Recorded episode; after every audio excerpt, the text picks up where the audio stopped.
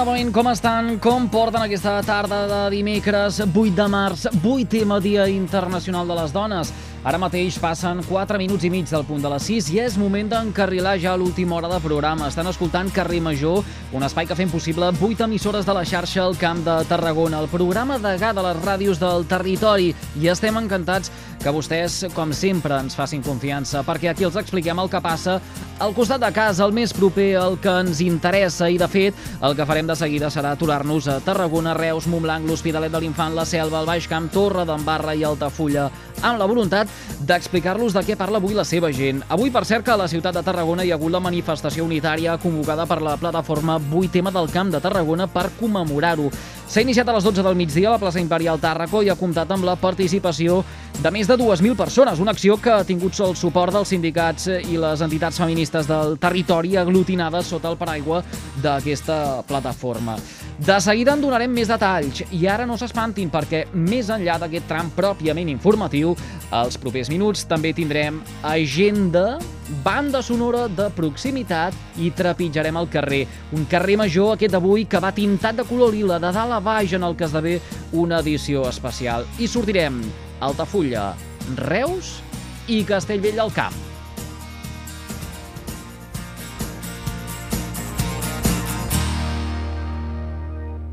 Carrer Major, la marca del territori a les ràdios locals del Camp de Tarragona. Aquí darrere, estava.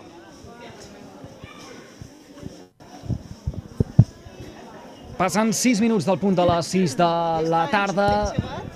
Escoltem de fons eh, certa xerrameca perquè el que fem nosaltres ara és eh, sortir al carrer, sortim al carrer Major, en concret al carrer Major d'Altafulla, o per ser més exactes encara a la plaça del Pou, perquè just ara comença la lectura del manifest del Dia. Internacional de les Dones. commemorem i reivindiquem aquest 8 de març com el dia treballadora i per tant i per extensió de totes les dones. Eh, també com cada any iniciem amb la lectura del manifest que es llegeix amb diferents dones del municipi i després a continuació el grup de teatre més a prop ens farà una representació. Una representació que aquest any ha estat d'alguna manera eh, inspirat en el Consell de Dones del municipi, que un consell que se reuneix de tant en tant i que eh, aquesta vegada ha triat aquest tema, el tema de les dones invisibles, per representar avui aquí a la plaça del Pou. Per tant, comencem, com sempre, amb la lectura del manifest.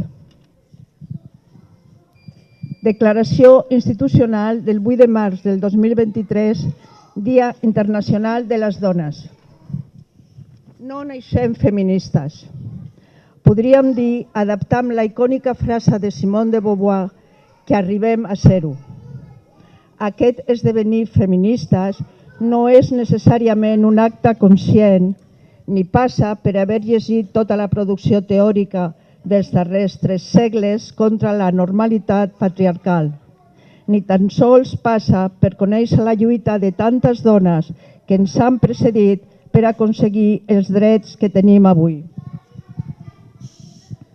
De fet, el patriarcat s'ha ocupat d'invisibilitzar-les, de fer caure en oblit les seves aportacions. És més, el patriarcat ha treballat de manera incansable per escamir i reprimir les feministes que l'han desemmascarat. I ho ha fet amb un objectiu molt clar, que reneguem del moviment sociopolític que lluita per acabar amb aquest sistema d'opressió i que ens incomodi d'identificar-nos com a feministes. Però ni així s'ha sortit amb la seva.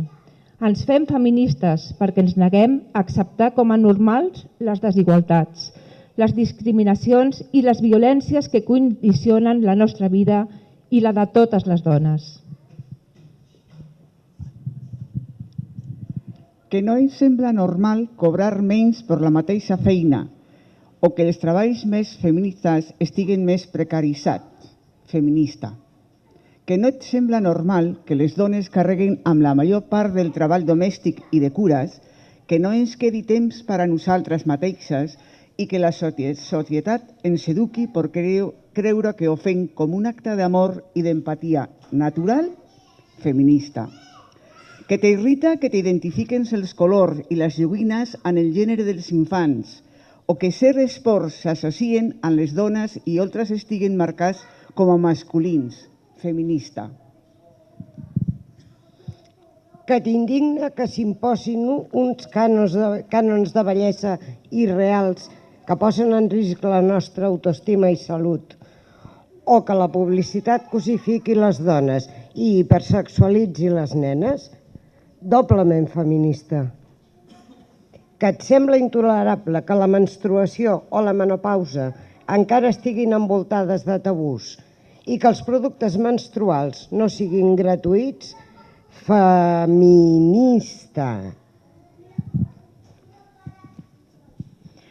Si t'exasperen les, si t'exasperen les taules, tertúlies i cartelleres sense cap dona i ja et cansa l'excusa de que no n'han trobat cap, si estàs farta que et preguntin quan seràs mare o per què no ho has volgut ser-ho, o que et diguin com has d'exercir la maternitat, feminista.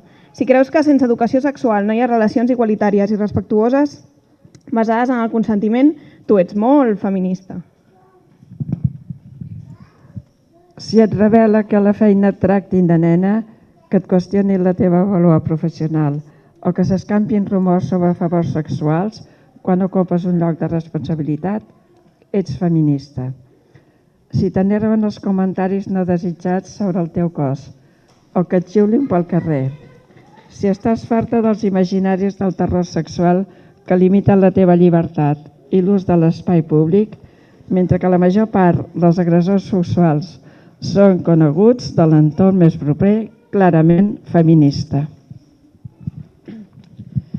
Si estàs fart que t'imposin una masculinitat que es mesura sovint a partir de l'agressivitat, ets feminista. Si vols expressar lliurement les teves emocions, ets feminista. Si creus que ser gelós, controlador i possessiu no té res a veure amb l'amor, també feminista. Si comparteixes les tasques domèstiques i de cures, acompanyes les teves criatures a la consulta mèdica o et preocupes de saber quin dia fan gimnàstica a l'escola i els prepares la bossa, feminista. Sí, rebutges les bromes masclistes i no estàs de, disposat a tolerar que cap amic teu, ai, perdó, que cap amic teu faci el babós quan sortiu de festa. Ets feminista, és clar. Si assumeixes el compromís actiu de combatre el masclisme cada dia en tots els espais, ets feminista. I no, no ho ets perquè tinguis mare, germanes o filles. Ets feminista simplement perquè et resulta insuportable la normalitat patriarcal. Com diu Angela Davis, hem de deixar d'acceptar les coses que no podem canviar i canviar tot allò que no podem acceptar. Ens necessitem totes i tots per fer possible la normalitat feminista a les famílies, als centres educatius, els llocs de treball, els espais d'oci, les associacions i les institucions polítiques, a tot arreu. Una normalitat feminista que també ha de ser antiracista, sense discriminacions per raó d'orientació sexual, d'edat, de classe social, de nacionalitat o de discapacitat, perquè els feminismes són justícia global. No importa quan t'hagi sumat en aquest sentit comú feminista. En els feminismes tot és començar. Gràcies a tothom per haver participat en aquesta jornada i en aquesta lectura del manifest. Gràcies.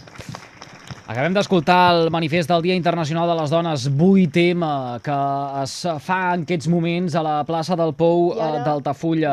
Uh, els actes continuen en aquest uh, punt tan cèntric de la vila del Baix Gaià ara amb una actuació de teatre social a càrrec del grup més a prop de la mateixa població en què es representarà l'obra Les Invisibles. Per cert que agraïm al nostre company d'Altafulla Ràdio, en Marc Pérez, per haver-se desplaçat fins a la plaça del Pou i haver-nos permès poder eh, seguir tot el que s'ha pronunciat en el marc d'aquest manifest que com en tantes d'altres poblacions, avui eh, suma desenes de persones eh, als carrers. Eh, hem escoltat diverses veus eh, eh, d'aquesta població, entre eh, elles eh, representants de la corporació municipal. Eh, acabava eh, l'alcaldessa Montse Castellarnau, la primera de les persones que ha intervingut, eh, precisament era també la consellera delegada en l'àmbit de la dona i vicepresidenta del Consell Comarcal del Tarragonès, Marisa Méndez Vigo. Gairebé sobre punt d'un quart de set de la tarda, com tots vostès saben, al territori s'estan fent diverses activitats i actes per visibilitzar el col·lectiu de les dones a eh, les diverses entitats i associacions.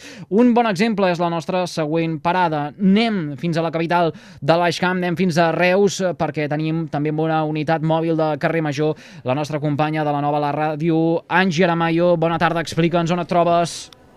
Bona tarda, Eduard. Doncs avui hem sortit de l'estudi per commemorar aquest 8M i hem baixat pel carrer Major de Reus fins a arribar a un dels espais més emblemàtics de la ciutat, el Centre de Lectura. Perquè avui, a dos quarts de set de la tarda, s'inaugurarà l'exposició Dones del Centre de Lectura 1921-1975. I tenim amb nosaltres a la secretària general de l'entitat i comissària de l'exposició, Ampar Pont. Bona tarda i benvinguda. Bona tarda i bon 8M. Justament eh, falten uns minutets perquè comenci aquest acte d'inauguració. Nerviosa? Bueno, una mica, sempre els nervis sempre van bé quan has de, fer, has de parlar en públic. Ampar, ara que estava pujant per aquesta escala, no? hi ha pegatines aquí al, al terra amb diversos noms, Núria Neus, també Celia Artiga, molts noms de sòcies d'aquí del Centre de Lectura. Explica'ns una miqueta qui són aquestes persones i la seva importància? Bé, la voluntat és treure a la llum, visibilitzar dones que han passat per la casa, que han tingut un paper destacat i que han fet que el centre lectura avui sigui un referent cultural perquè quan parlem del centre lectura, com de la majoria d'entitats culturals, ens ve al cap homes.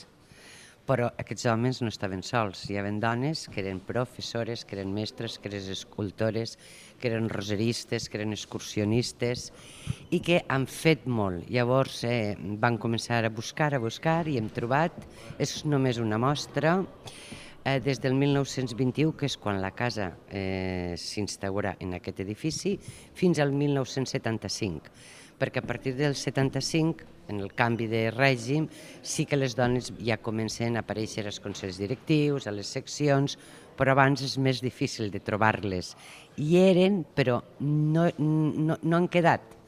I nosaltres el que volem és que la gent vegi qui era doncs, la Teresa Miquel, una senyora que va fer cursos de català, se'ls va inventar ella uns cursos per correspondència, qui era la Celia, la Celia Artiga, totes elles sòcies d'honor, que van començar amb les escoles de mestres de reciclatge a nivell de tot Catalunya des d'aquesta casa, que era la Maria Pasqual Pellicer, que l'any 34 era una escultora i formava part del Consell Directiu, que era la Misericòrdia Arnabat, que va ser una catedràtica de dibuix, a part d'escultora, d'artista, o qui era l'Àngela Pujol, o la Lluïsa Òdena, etc etc. Així fins a 25. I dins de la biblioteca tenim totes les bibliotecàries, perquè la casa, una de les peces més importants és la biblioteca, i des de l'any 21 que hi ha bibliotecàries professionals. Llavors també hem volgut reconèixer-les i hem posat una imatge, una fotografia, perquè aquesta és l'altra. De vegades quan busques per la xarxa dones antigues, trobes noms, però no trobes cares, així com dels senyors amb barrets i amb bigotis del segle XIX, trobes fotos de les dones és molt difícil. Per tant, hem volgut també visibilitzar aquestes cares i ho hem fet, algunes que teníem a la casa i d'altres de netes, nebodes, que eh, han buscat, han remenat per les caixes de les cases i han trobat fotos. Ara que ho deies, justament eh, perquè la gent es situï, ara estem al primer pis del centre de lectura i darrere nostra tenim la sala Miquel Ventura, aquí a la biblioteca, la biblioteca més antiga de Catalunya, que és molt important dir-ho, i que també eh, rebrà una nova nomenclatura justament per una de les bibliotecàries més reconegudes. Sí, sí. Explica'ns qui era aquesta bibliotecària, Maria Martorell. La Maria Martorell Gorrera va ser una bibliotecària durant tota la seva vida és més, quan el 37 va caure la bomba a la biblioteca que va matar la bibliotecària, ella era una nena petita que estava estudiant i va sortir corrents. Després va estudiar i va estar tota la vida dedicada al centre lectura. i en morir ens va deixar tota la seva herència per comprar llibres antics i per restaurar-los. Llavors avui a la sala de reserva li posarem el seu nom, Maria Martorell Correra, perquè pensem que bueno, s'ho mereix, s'ho mereix per la seva dedicació en vida i més enllà. De fet, Eduard, eh, que sàpigues que la Maria Martorell, aquí molta gent la coneixia per un altre nom, ella era la Mari, la Mari que va estar gairebé 40 anys darrere de l'escriptori no? d'aquesta sala de reserves. Eh, per, jo la vaig conèixer de molt gran, però la gent de la meva generació, que venien de jovens a estudiar, doncs deien que ella era una senyora que anava sempre molt elegant, que portava talons i que a la, seu, a la, a la seva biblioteca només es podia sentir el soroll dels seus talons, perquè no deixava que ningú bueno, ni parlés gairebé ni respirés. Tothom la recorda com una persona molt estricta, però també com una persona molt amable, molt servicial i tothom en té molt bon record, la Mari. És que crec que una altra cosa no, per el centre de lectura han passat grans dones. Per exemple, eh, també hi ha una sèrie de cartells que ens explica una miqueta més les vides d'aquestes dones. I ara que li estaves eh, explicant a altres persones que s'apropaven als cartells, hi ha una que encara és viva, no? Sí, hem volgut, o sigui, totes són persones que ens han deixat, però hem volgut posar la Mercè Vallverdú Borràs, és una senyora que té 96 anys. Aquesta senyora va tindre un pare molt modern que li va permetre anar a estudiar Belles Arts a Barcelona i era una pintora molt reconeguda de l'època, però es cotitzava amb els grans. Ara, mira, ara arriba la seva filla i els seus nets. I eh, quan es va casar, doncs va haver de deixar aquesta, aquesta professió seva, que era l'art, per dedicar-se al negoci familiar. I tota la vida es va dedicar a portar els números de la clínica Fàbregas, de la qual ella i el seu marit eren els, els, bueno, els propietaris.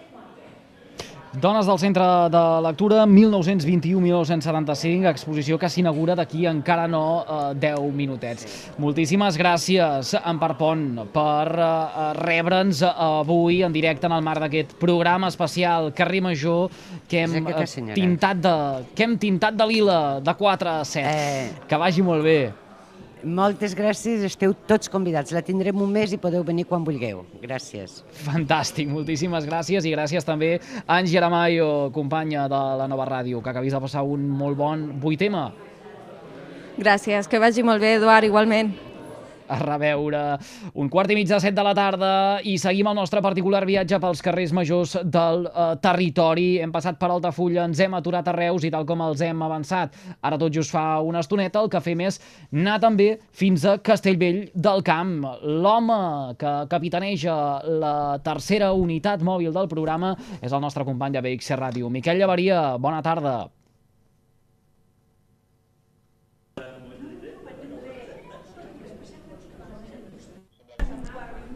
Sembla que tenim algun problema de connexió amb la unitat mòbil que porta el nostre company de BX Ràdio. Sí, ens trobem a Castellvell del Ep, Camper. Sí, sí. Eh, després... Tenim o no el tenim? No el tenim, no? anem perdent. És aquelles coses de la cobertura que ens passa. Fem una cosa, doncs. Uh, disposem d'una ah. banda sonora uh. de proximitat que ens anirà de meravella per mirar de uh, resoldre aquesta incidència tècnica. Així que, uh, què ens haurà escollit el nostre company de la nova ràdio de Reus per un dia com avui, pel Dia Internacional de les Dones. Música del Camp de Tarragona, novetat discogràfica, alguna efemèride musical, descobrim-ho.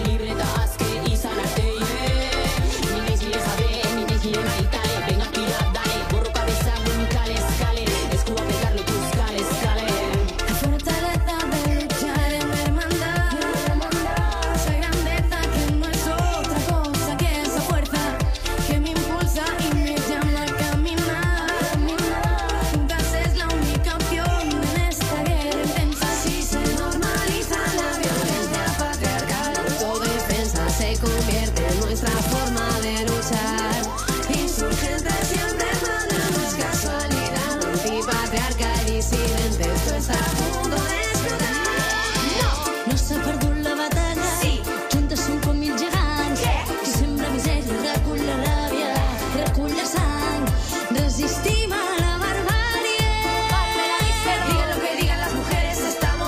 Sona alguna coseta, no? Potser d'aquesta banda sonora de proximitat que ha escollit en David Fernández. Bé, a mi aquí alguna veu que em resulta familiar, eh, perquè l'hem escoltat, eh, encara no fan ni una hora per eh, acomiadar-nos. Eh, parlem del segon tram de programa, eh? que ningú s'espanti que encara ens queda una bona estoneta de passeig pel carrer Major.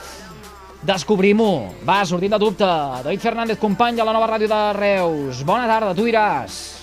Hola Eduard, bona tarda. Doncs mira, avui ens hem decantat cap a una cançó del 2018 anomenada Yo por ellas, ellas por mí, amb el sublema 8M Huelga Feminista, que van editar conjuntament una sèrie de formacions de tot l'estat, com ara Tremenda Jauria, Tribade, Mafalda, Viruta FTM, La Terrorista del Sabor, La Basso, Cumba Queers o Roba Estesa, una formació amb diferents membres del Camp de Tarragona que avui, per cert, també ha compartit a través de les seves xarxes aquesta cançó que, com diem, ja té uns quants anyets. Avui, aquesta Jo por elles, elles por mi, ens serveix per explicar-vos l'actualitat d'aquesta formació que per cert fa temps que no treuen nou treball, el seu darrer disc, aquell rosa permanent, el tercer, és de l'octubre del 2021, i ara, de fet fa uns dies, ens deien eh, que tenen ganes de compartir la gira que estan preparant i també fa una setmana ens explicaven que el primer bolo d'aquesta nova temporada serà a principis del mes d'abril. De moment, però, han anunciat també en els darrers dies que ara doncs, faran el 15 de març un acte especial a la Diogàbal de Barcelona que consistirà en un petit acústic i també en la presentació del nou single de Roba Estesa que sortirà al mes d'abril i aquesta festa s'acompanyarà també al final, diuen, d'una festeta final de DJs amb la roba estesa punxant. Per si la gent hi vol anar, sortegen a través de xarxes a 35 entrades dobles per anar doncs, el 15 de març a la Liugàbal amb aquest acústic, aquesta festeta de DJs i a la presentació del nou senzill entre totes aquelles persones que se subscriguin al nou Telegram que la formació doncs, ha posat en marxa. Ja ho veieu, la roba estesa no s'aturen i durant aquests dies estan ja donant a conèixer els actes per presentar el seu nou senzill. Avui, doncs, la roba estesa i aquesta cançó amb moltes altres artistes de l'estat és la banda sonora del carrer Major.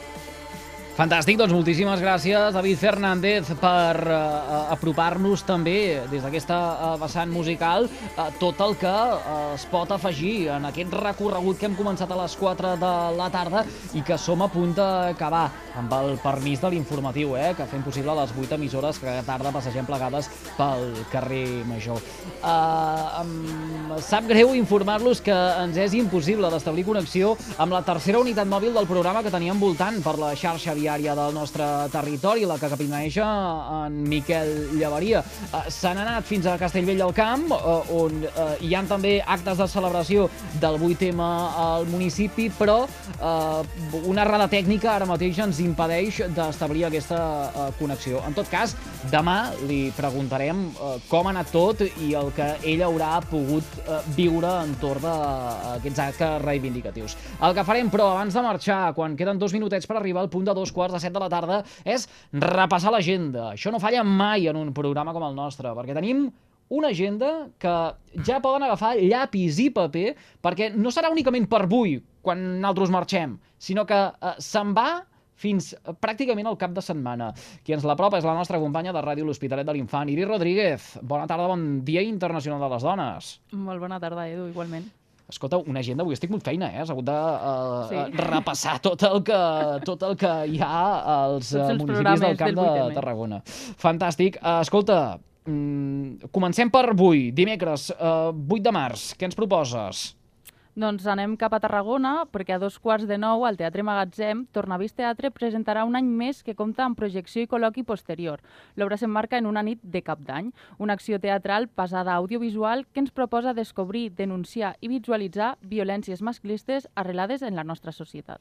Aquesta és la proposta que ens fas per avui. Eh, Sí. És a dir, eh, una eh, agenda, unes recomanacions eh, de color violeta, però que eh, ens porten encara a repassar altres activitats. Va, seguim. Demà, dijous dia 9, Marxem a casa meva, a l'Hospitalet de l'Infant, perquè a les 7 de la tarda al Teatre Auditori tindrem l'espectacle de cabaret i narració Toca'm el cuplet. Fantàstic. Saltem a dissabte, dia 11. Anem a Reus, a les 12 del matí, al Museu d'Art i Història de Reus, tindrem visita guiada anomenada Hi ha dones al museu. De Reus saltem a Torredembarra perquè a les 7 de la tarda, a Calmayam, tindrem la projecció del documental Patriarcado, el organismo nocivo, més col·loqui amb el públic i Albert Sanfeliu Rodríguez, codirector del documental.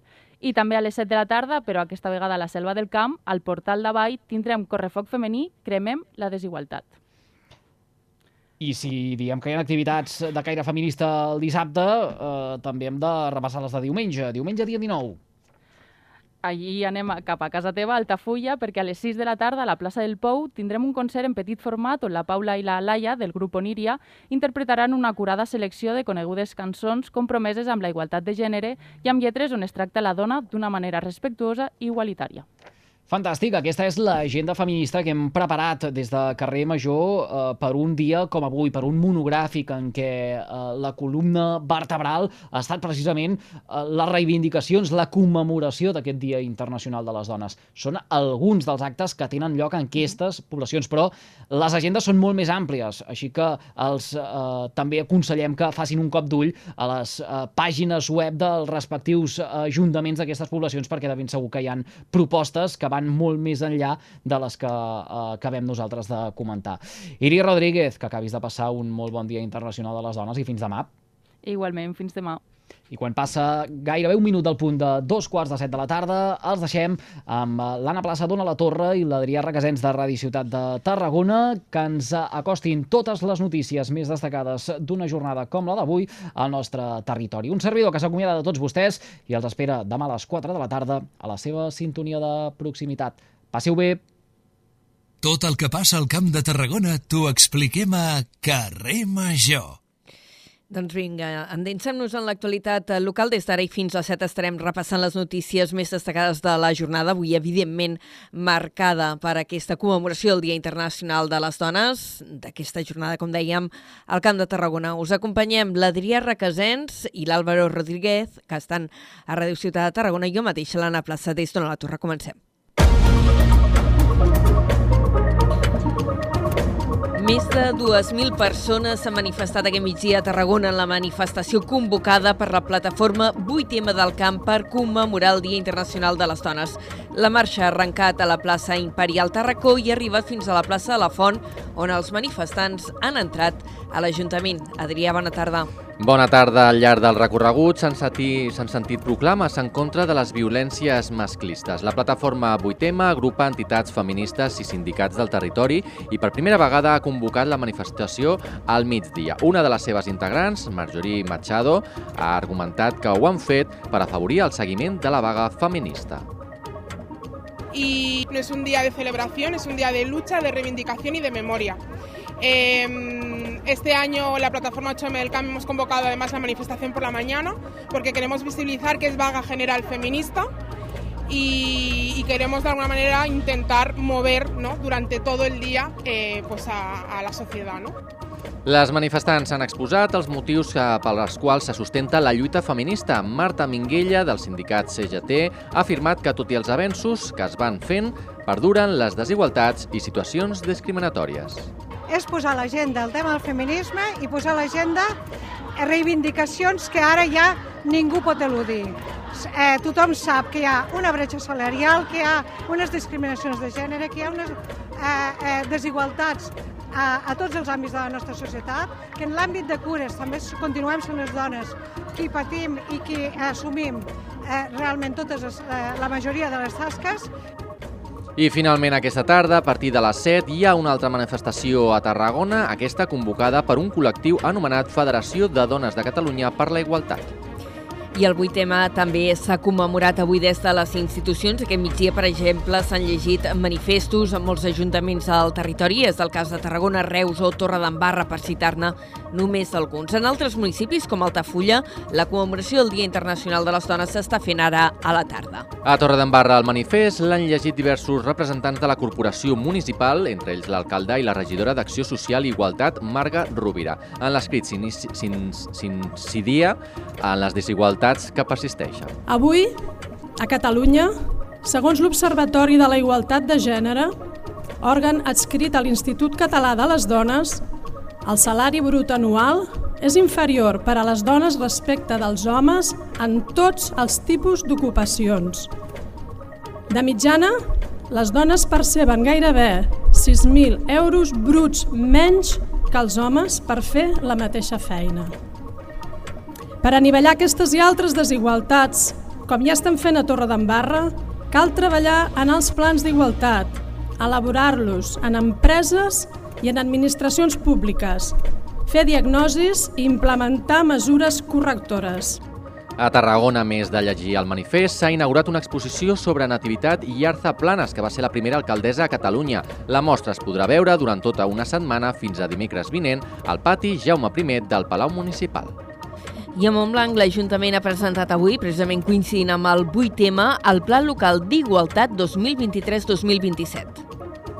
El document marca els objectius del municipi en matèria d'igualtat pels propers 4 anys. S'hi recullen una cinquantena d'accions. Des de Ràdio Montblanc ens ho explica la Gemma Bufies. L'equip de govern va crear l'any 2019 la Regidoria d'Igualtat i la figura de la tècnica d'igualtat, any en què l'Ajuntament també va rebre el distintiu d'igualtat. A partir d'aquí el consistori va començar a treballar en l'elaboració d'un pla local d'igualtat que s'ha elaborat amb enquestes i entrevistes a diversos agents del municipi. El treball l'ha liderat una comissió de tècnics i regidors i regidores de l'Ajuntament de Montblanc. Núria Besora, regidora d'Igualtat de l'Ajuntament. El pla d'igualtat, eh, a partir doncs, d'aquesta doncs, diagnosi que es fa, trobem 53 accions, com bé he dit abans, doncs, hem de desenvolupar durant aquests 4 anys. D'aquestes 53, 29 formen part del distintiu d'igualtat doncs, que, que ja vam obtenir el, el 2019 i, i la resta doncs, són noves accions doncs, que hem d'anar desenvolupant al llarg d'aquests anys i d'aquests terminis. La cosa més important, evidentment, que l'Ajuntament de Montblanc ha de de, ha de tenir una partida que actualment doncs, ja tenim pel tot el tema d'igualtat. L'equip de govern valora de manera molt positiva el treball realitzat fins ara en matèria d'igualtat a la vida cultural de Montblanc. Destaquen les pageses carteres, però també la incorporació de dones a espais habitualment ocupats per homes, com s'ha donat al Vall de Bastons o als Armats de Montblanc. El Pla Local d'Igualtat s'haurà d'aprovar al proper ple de l'Ajuntament. Gràcies, Gemma. I a nivell més territorial, la directora dels Serveis Territorials d'Igualtats i Feminismes a Tarragona ha destacat els esforços que s'estan fent des de les administracions per acabar amb les situacions de discriminació i també de violència que encara viuen les dones. Eva Ferran ha passat avui, de fet, pels micròfons de Carrer Major en motiu de la commemoració del 8M. Ha destacat que la llei d'igualtat, aprovada fa 8 anys, ha permès fer importants passos endavant, si bé encara queda molta feina per fer. I part d'aquesta passa perquè els homes es facin corresponsables de les cures i les feines domèstiques, tal com ha assenyalat. Ferran també explica que la Generalitat ha doblat els recursos que facilita als ajuntaments per desenvolupar les polítiques d'igualtat hem arribat a, a uns acords, amb uns convenis de col·laboració amb els municipis per impulsar les polítiques d'igualtat i hem doblat el pressupost destinat a això. Per tant, entenc que hem avançat, que hem pogut fer més sensibilització, més difusió, més atenció i, i que ens seguirem fent, que, perquè és el que ens toca i és el que ens, ens demana no? el fet de lluitar pels drets de totes les persones. D'altra banda, Eva Ferran ha anunciat que a principis d'estiu el govern preveu aprovar l'Estratègia Nacional de Prevenció de la Violència Masclista. I coincidint amb el 8M, la Creu Roja Tarragona ha volgut posar de manifest que la pobresa afecta especialment les dones. De fet, l'entitat ha muntat avui una carpa a la plaça Corsini de Tarragona per, convi per convidar a la ciutadania a la reflexió sobre qüestions de gènere. Des de Ràdio Ciutat de Tarragona ens ho amplia l'Àlvaro Rodríguez. Les dones representen el 60% de les persones en situació de vulnerabilitat ateses per Creu Roja a la demarcació de Tarragona. Aquest és un fet que han volgut reivindicar des de Creu Roja Joventut a diferents municipis tarragonins. A la ciutat de Tarragona, diverses voluntàries han convidat a la ciutadania a la reflexió amb dues dinàmiques. Una d'elles se centra en la interseccionalitat, temàtica de l'organització per enguany, que vol posar en relleu la identitat de gènere, l'orientació sexual o el nivell socioeconòmic. A més, han creat una bossa dels micromasclismes, on les tarragonines podran llençar les experiències dolentes que hagin viscut. Clàudia Martos, directora del Departament de Creu Roja Joventut a Tarragona, explica que la majoria de voluntàries a la demarcació són dones, un fet que volen canviar des de la institució. Mm, Estem a lo de sempre, no? que a la dona sí que se li dona el paper de dona que ajuda, que, que és més simpàtica amb la societat, no? I, i per aquesta raó jo crec que la majoria dels nostres voluntaris són noies, però bueno, que també és un estigma que s'ha de trencar perquè que els homes que vulguin no? formar part del, del voluntariat doncs que es puguin apuntar. Cal destacar que l'any passat Creu Roja va atendre 9.744 dones a través de projectes d'extrema vulnerabilitat. Pel que fa al col·lectiu de la gent gran i de persones cuidadores, representen el gruix més elevat, amb 5.184 dones ateses, el que suposa el 75%. I entre les moltes veus que s'han fet sentir avui, al territori també hi ha la de les advocades. El Col·legi de l'Advocacia de Tarragona ha denunciat que la maternitat encara continua sent un obstacle en aquesta professió. L'entitat també ha demanat que el futur Fòrum de la Justícia de Tarragona es dissenyi tenint en compte la perspectiva de gènere. Novament, des de Ràdio Ciutat de Tarragona ens ho explica l'Àlvaro Rodríguez. Aquest 8 de març, la il·lustre Col·legi de l'Advocacia de Tarragona reivindica reconèixer la maternitat dins la professió. Des de l'ICAT assenyalant que els processos no se suspenen en cap etapa de l'embaràs ni el postpart. Fa un temps es va acordar un protocol a la sala administrativa del Tribunal Superior de Justícia de Catalunya, però Susana Duran, secretària de l'ICAT, afirma que no tothom l'aplica. Ara, des del col·legi, també remarquen la necessitat de crear espais de protecció per a les víctimes a la futura ciutat de la justícia de Tarragona. Duran exemplifica que la situació als jutjats no és còmoda per les víctimes actualment. A vegades està passar davant de la persona que, que t'ha violentat o, o ha fet el que sigui o que t'ha maltractat per poder accedir-hi. Jo entenc que se'ls ha de protegir i se'ls ha de donar un suport per una rapidesa, actuació i que tinguin que estar el menys temps possible jutjat perquè patir aquest tipus de, de delictes i tenir aquest tipus de maltractaments una persona pateix molt. Cal destacar que l'ICAT compta amb un servei especialitzat d'atenció a dones on moltes col·legiades acudeixen per suspendre judicis per embaràs. Duran destaca que aquest procés requereix moltes exigències i no dona garanties que es pugui fer efectiu.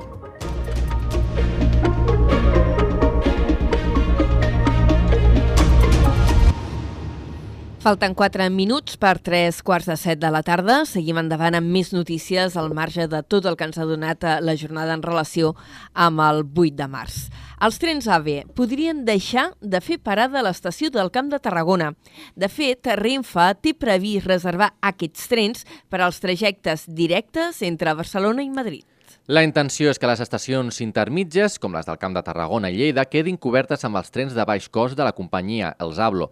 Els AVE només faran una parada entre Barcelona i Madrid-Saragossa. D'aquesta manera, Renfe vol reduir el temps de trajecte i ser més competitiva amb els serveis d'Uigo i Irio incorporada recentment a l'oferta ferroviària en alta velocitat. El nou president de Renfe, Raül Blanco, ha parlat d'aquestes futures modificacions del servei en declaracions al diari El País. Ara bé, no ha concretat quan entraran en vigor els canvis i el Port de Tarragona ha ampliat la línia d'atracada del moll de Cantàbria per a poder-hi encabir embarcacions auxiliars. L'actuació ha costat prop de 350.000 euros i ha consistit en la construcció de quatre plataformes d'atracada i amarrada unides per una línia contínua de 45 metres destinada a llanxes ràpides i altres barques de petites dimensions. Alhora s'ha reforçat la plataforma amb unes vigues per permetre l'atracada de vaixells de més volum. Amb aquesta actuació, la d'Àrsena s'ha ampliat fins als 196 metres.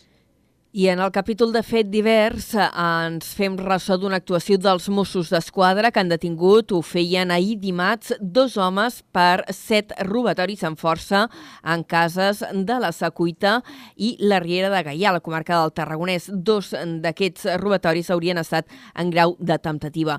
Els arrestats de 20 i 32 anys haurien comès els fets entre l'1 i el 24 de febrer. Segons ha explicat avui el cos policial, els arrestats han eh, de passar a disposició judicial. Entraven a cases a les afores dels municipis. La investigació va començar arran d'un primer robatori amb força a la Secuita.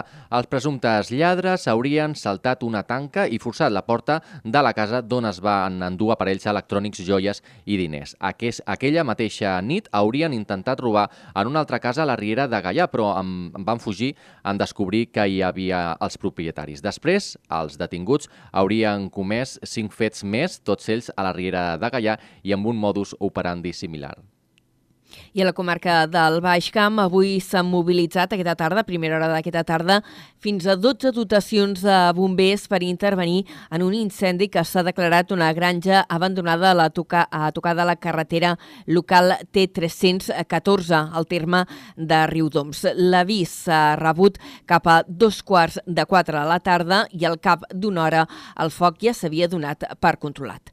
Més qüestions. La Generalitat de Catalunya i l'Ajuntament de Valls han acordat el projecte de millora de la carretera de Picamoixons. S'intervindrà en el tram que passa pel barri de les comarques. S'invertiran uns 600.000 euros. Des de Ràdio Ciutat de Valls ens ho explica Miquel Llavaria. La Generalitat de Catalunya i l'Ajuntament de Baix acorden el projecte de millora de la carretera de Picamoixons en el seu pas pel barri de les comarques, valorat en poc més de 600.000 euros. Aquesta ampliarà la vorera, instal·larà lluminària i reasfaltarà el tram. L'alcaldessa de Baix, Dolors Ferrer, explica que quan acabin les obres la carretera passarà a ser de titularitat municipal. Com que la propietat de, de la carretera és de la Generalitat, clar, és una obra que ha de fer la Generalitat. Un cop aquesta obra estigui feta, llavors recepcionarem a l'Ajuntament tot el que és el, el tram doncs, que aquell general llavors passarà a ser una carretera municipal. Uh, són uns dos quilòmetres de vial que, doncs, que, bueno, que es faltaran tot i la inversió que faran són uns 610.000 euros. Ferrer explica que amb el projecte aprovat la Generalitat està treballant en el plec de clàusules per treure'l a concurs, però que esperen començar durant el segon semestre de 2023. Per cert, Valls acollirà demà i divendres una cita important en l'àmbit educatiu al territori. Es tracta de l'espai de l'estudiant que es farà a la sala Cursal.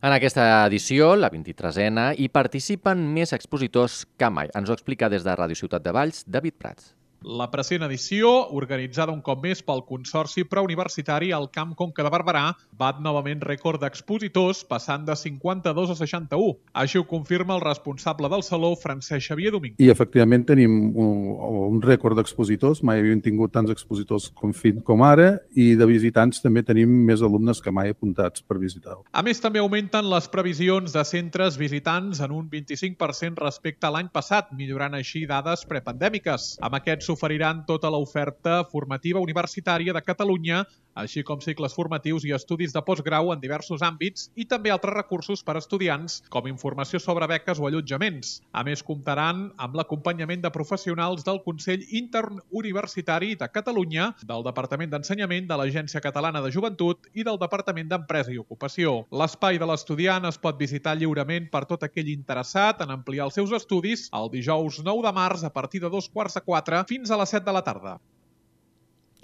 Això serà demà, com dèiem, a Valls, i una mica més enllà, l'Espai Llotja de Reus acollirà la mostra Reus FP, en què eh, es presentarà l'oferta de cicles de grau mitjà i els programes de formació i treball que es poden cursar al municipi. Una mostra que es farà el 22 de març. Es tracta, de fet, de la primera edició d'aquest certamen que es programarà periòdicament a la ciutat quan la fira itinerant Camins de FP, que presenta tota l'oferta dels centres d'FP de la demarcació, no es faci a la ciutat de Reus com succeeix aquest 2023. I en política, encara situats a Reus, fem un apunt polític i és que Montserrat Caelles i Mariluz Caballero, que actualment són regidores eh, de projectes de ciutat i d'Hisenda, respectivament, ocuparan els números 3 i 4 en la llista de Junts a les municipals. La cap de llista, Teresa Pallarès, ha assenyalat que aquestes dues primeres incorporacions al projecte que lidera permetran donar continuïtat a la feina de govern que s'ha fet amb Carles Pellicer a l'alcaldia. L'alcaldable també ha destacat que la presentació d'aquests primers noms de la llista s'ha fet coincidir amb la setmana del 8M per subratllar l'aposta de Junts per situar dones en llocs de responsabilitat. Anem cap al Baix Gaià. L'alcalde de Torre d'Embarra, Eduard Rovira, assegura que ja es comença a notar una millora en el servei de la recollida de la brossa des de que s'ha començat a aplicar el nou contracte. Així ho va assegurar durant la xerrada oberta a la ciutadania que es va celebrar ahir dimarts a l'Espai eh, Cultural Sala del Mar per parlar sobre el present i futur d'aquest servei a Torre d'Embarra. Des de On a la Torre ens ho explica en Josep Sánchez. Aquest contracte va entrar en vigor ja fa un mes després de l'extinció de l'anterior vincle amb Norbert. L'alcalde Eduard Rovira ha explicat que les millores en el servei es comencen a veure en alguns aspectes com la recollida del servei porta a porta i els reforços que s'han aplicat per evitar abandonaments al costat dels contenidors. Estem recollint millor la, les escombraries del, del, de les bateries de contenidors i el porta a porta també l'han millorat, fent reforços per eh, evitar els, els abandonaments, desbordaments o digueu-li com vulgueu. L'alcalde també ha comentat que hi ha alguns serveis que ara assumeix el personal de l'Ajuntament, com és la recollida selectiva de l'oli usat i el tèxtil o la dels voluminosos a demanda. De cara al futur, Rovira va plantejar com un dels reptes que tenen per endavant la millora de les xifres de recollida d'orgànica entre els establiments de restauració. I parlem d'avenços en investigació arqueològica. Les termes de mar de la vila romana dels Monts d'Altafulla podrien ser realment un santuari dedicat a les aigües. Els tècnics del Museu Nacional Arqueològic de Tarragona asseguren que l'absència verificada de les entrades d'aire calent descarta la idea dels banys que va sorgir arran de l'excavació del jaciment als anys 70. Des d'Altafulla Ràdio ens ho explica en Marc Pérez. Les conegudes com a termes de mar de la platja d'Altafulla i que formen part de la vila romana dels Munts podrien ser realment un santuari. Com a mínim, això és el que es desprèn de les darreres investigacions que han generat certs dubtes entre els investigadors del Museu Nacional Arqueològic de Tarragona. El conservador de l'àrea de col·lecció i recerca, Josep Anton Remolà, ha explicat que es tractaria d'un santuari dedicat a les aigües, ja que els romans tenien una espècie de dedicació en els punts de contacte entre l'aigua dolça i l'aigua salada. És més probable que es tracti d'un santuari, un petit santuari dedicat a les, a les aigües, que és un fet bastant, bastant habitual hi ha una canal d'aigua, no sabem, un sorgent d'aigua, no sabem si natural, que arriba en aquell punt, i aquests punts de contacte entre l'aigua dolça i l'aigua salada, els romans hi tenien una certa, una certa dedicació a l'hora de, de commemorar-los amb, amb un edifici de caràcter religiós. Les termes de mar, doncs, quedarien descartades per l'absència verificada de les entrades d'aire calent que es van creure que existien quan es va excavar el jaciment als anys 70.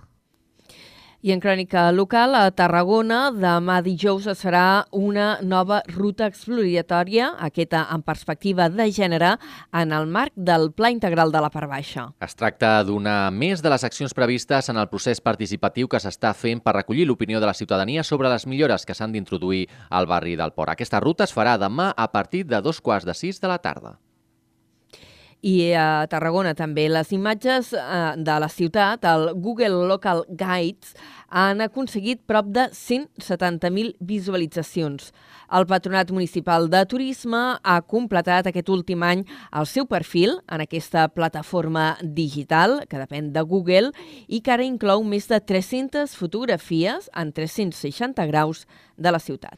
Gràcies a aquest servei, que com dèiem gairebé ha arribat a les 170.000 visites, els usuaris poden visitar virtualment els monuments de la Tàrraco romana, el balcó del Mediterrani i el Museu del Port, per posar alguns exemples. Aquesta aposta per la plataforma de Google s'emmarca en l'estratègia digital encetada fa dos anys per Tarragona Turisme per posicionar millor la ciutat, als cercadors i oferir més informació als potencials visitants. I abans de passar a les notícies culturals, una informació relacionada amb recerca, la Universitat Rovira i Virgili coordina un projecte internacional per millorar la detecció i predir l'evolució del càncer de mama. Està liderat pel Laboratori de Robòtica i Visió Intel·ligents i col·laboren universitats, hospitals i centres de recerca d'Europa, Àsia els Estats Units. Concretament, s'està desenvolupant un nou programari que permeti posar en comú l'anàlisi de les diferents imatges radiològiques, com les ecografies i les mamografies i les imatges microscòpiques que s'obtenen de les cèl·lules. El director del projecte, Domènec Puig, ha destacat que aquesta és la principal novetat, ja que fins ara aquestes imatges s'analitzaven per separat. Contrastar-les pot ajudar a fer una predicció més acurada de l'evolució de la malaltia. Millorar la capacitat de predicció de doncs, el més eh, temprana possible del, del càncer de mama, també la precisió en aquesta predicció pel que fa doncs, a, la seva, a les seves característiques, la seva benignitat, malignitat i les possibilitats de, de metàstasi, les possibilitats d'expansió, les possibilitats de recurrència, etc. Aquest projecte està finançat per les accions Marie Sklodowska-Curie, el programa de referència de la Unió Europea per a la formació doctoral i postdoctoral i s'allargarà fins al 2026. L'Hospital Universitari Sant Joan de Reus, l'Hospital Verge de la Cinta de Tortosa i l'Institut d'Investigació Sanitària Pere Virgili també estan vinculats al projecte.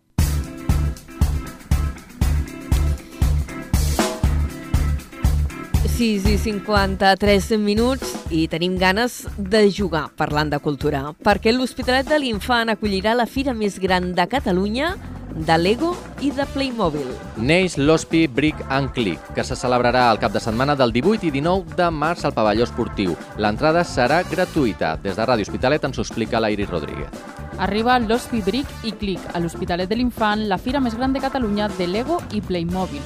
Aquest esdeveniment es durà a terme el cap de setmana del 18 i 19 de març al pavelló esportiu on es podran veure 14 diorames de Playmobil i 10 de Lego, muntats per membres de les associacions Somos Click i Spaplug, procedents de Catalunya, la Comunitat Valenciana, País Basc i Navarra. En total hi haurà més de 200 metres quadrats d'exposició i també parades de venda. A més, el diumenge 19 de març se sortejaran dos sets de Playmobil i un val de 50 euros per gastar els comerços adherits a l'Associació de Comerços de l'Hospitalet de l'Infant i la Vall de Llor.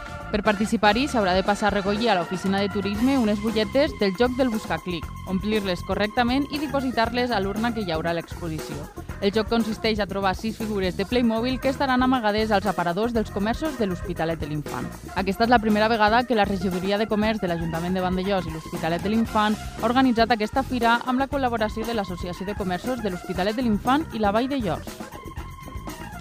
Moltes gràcies, Iris. I eh, destaquem ara un nom propi, el d'Aleix Roig, que és el responsable del Parc Astronòmic de les Muntanyes de Prades i que ha guanyat el tercer premi com a fotògraf astronòmic de l'any passat. El certamen està organitzat pel Real Observatori de Greenwich a Londres i participen fotògrafs d'arreu del món.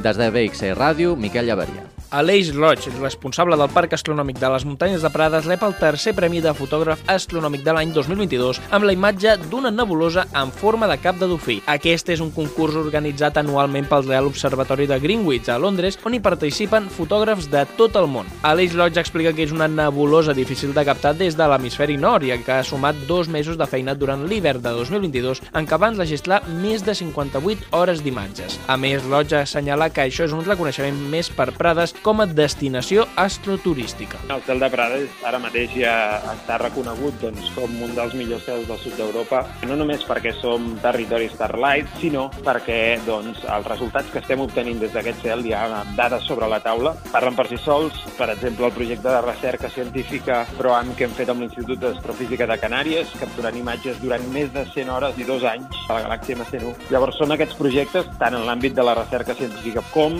en les pròpies imatges que anem obtenint, doncs que finalment aquest premi doncs, també d'alguna manera és un reconeixement a tota la tasca feta doncs, els últims anys per altra banda, Roig també agraeix a l'Ajuntament de Prades la feina feta en els darrers anys per recolzar el projecte del Parc Astronòmic. Moltes gràcies, Miquel. I tancarem aquest informatiu del Camp de Tarragona de la jornada del 8M amb una proposta de microteatre en femení que arrenca avui al Teatre al Magatzem de Tarragona i que s'allargarà eh, fins diumenge. Durant aquests dies es podran veure set obres de petit format liderades totes elles eh, per dones, en què s'aborden qüestions com la lluita contra les violències, l'opressió, el patriarcat, també l'amistat i moltes altres qüestions. La primera representació aquest vespre a dos quarts de nou amb la companyia Tornavís Teatre que presenta l'espectacle un any més. Tanquem així l'informatiu. Carrer Major i torna demà a partir de les 4. Adéu-siau.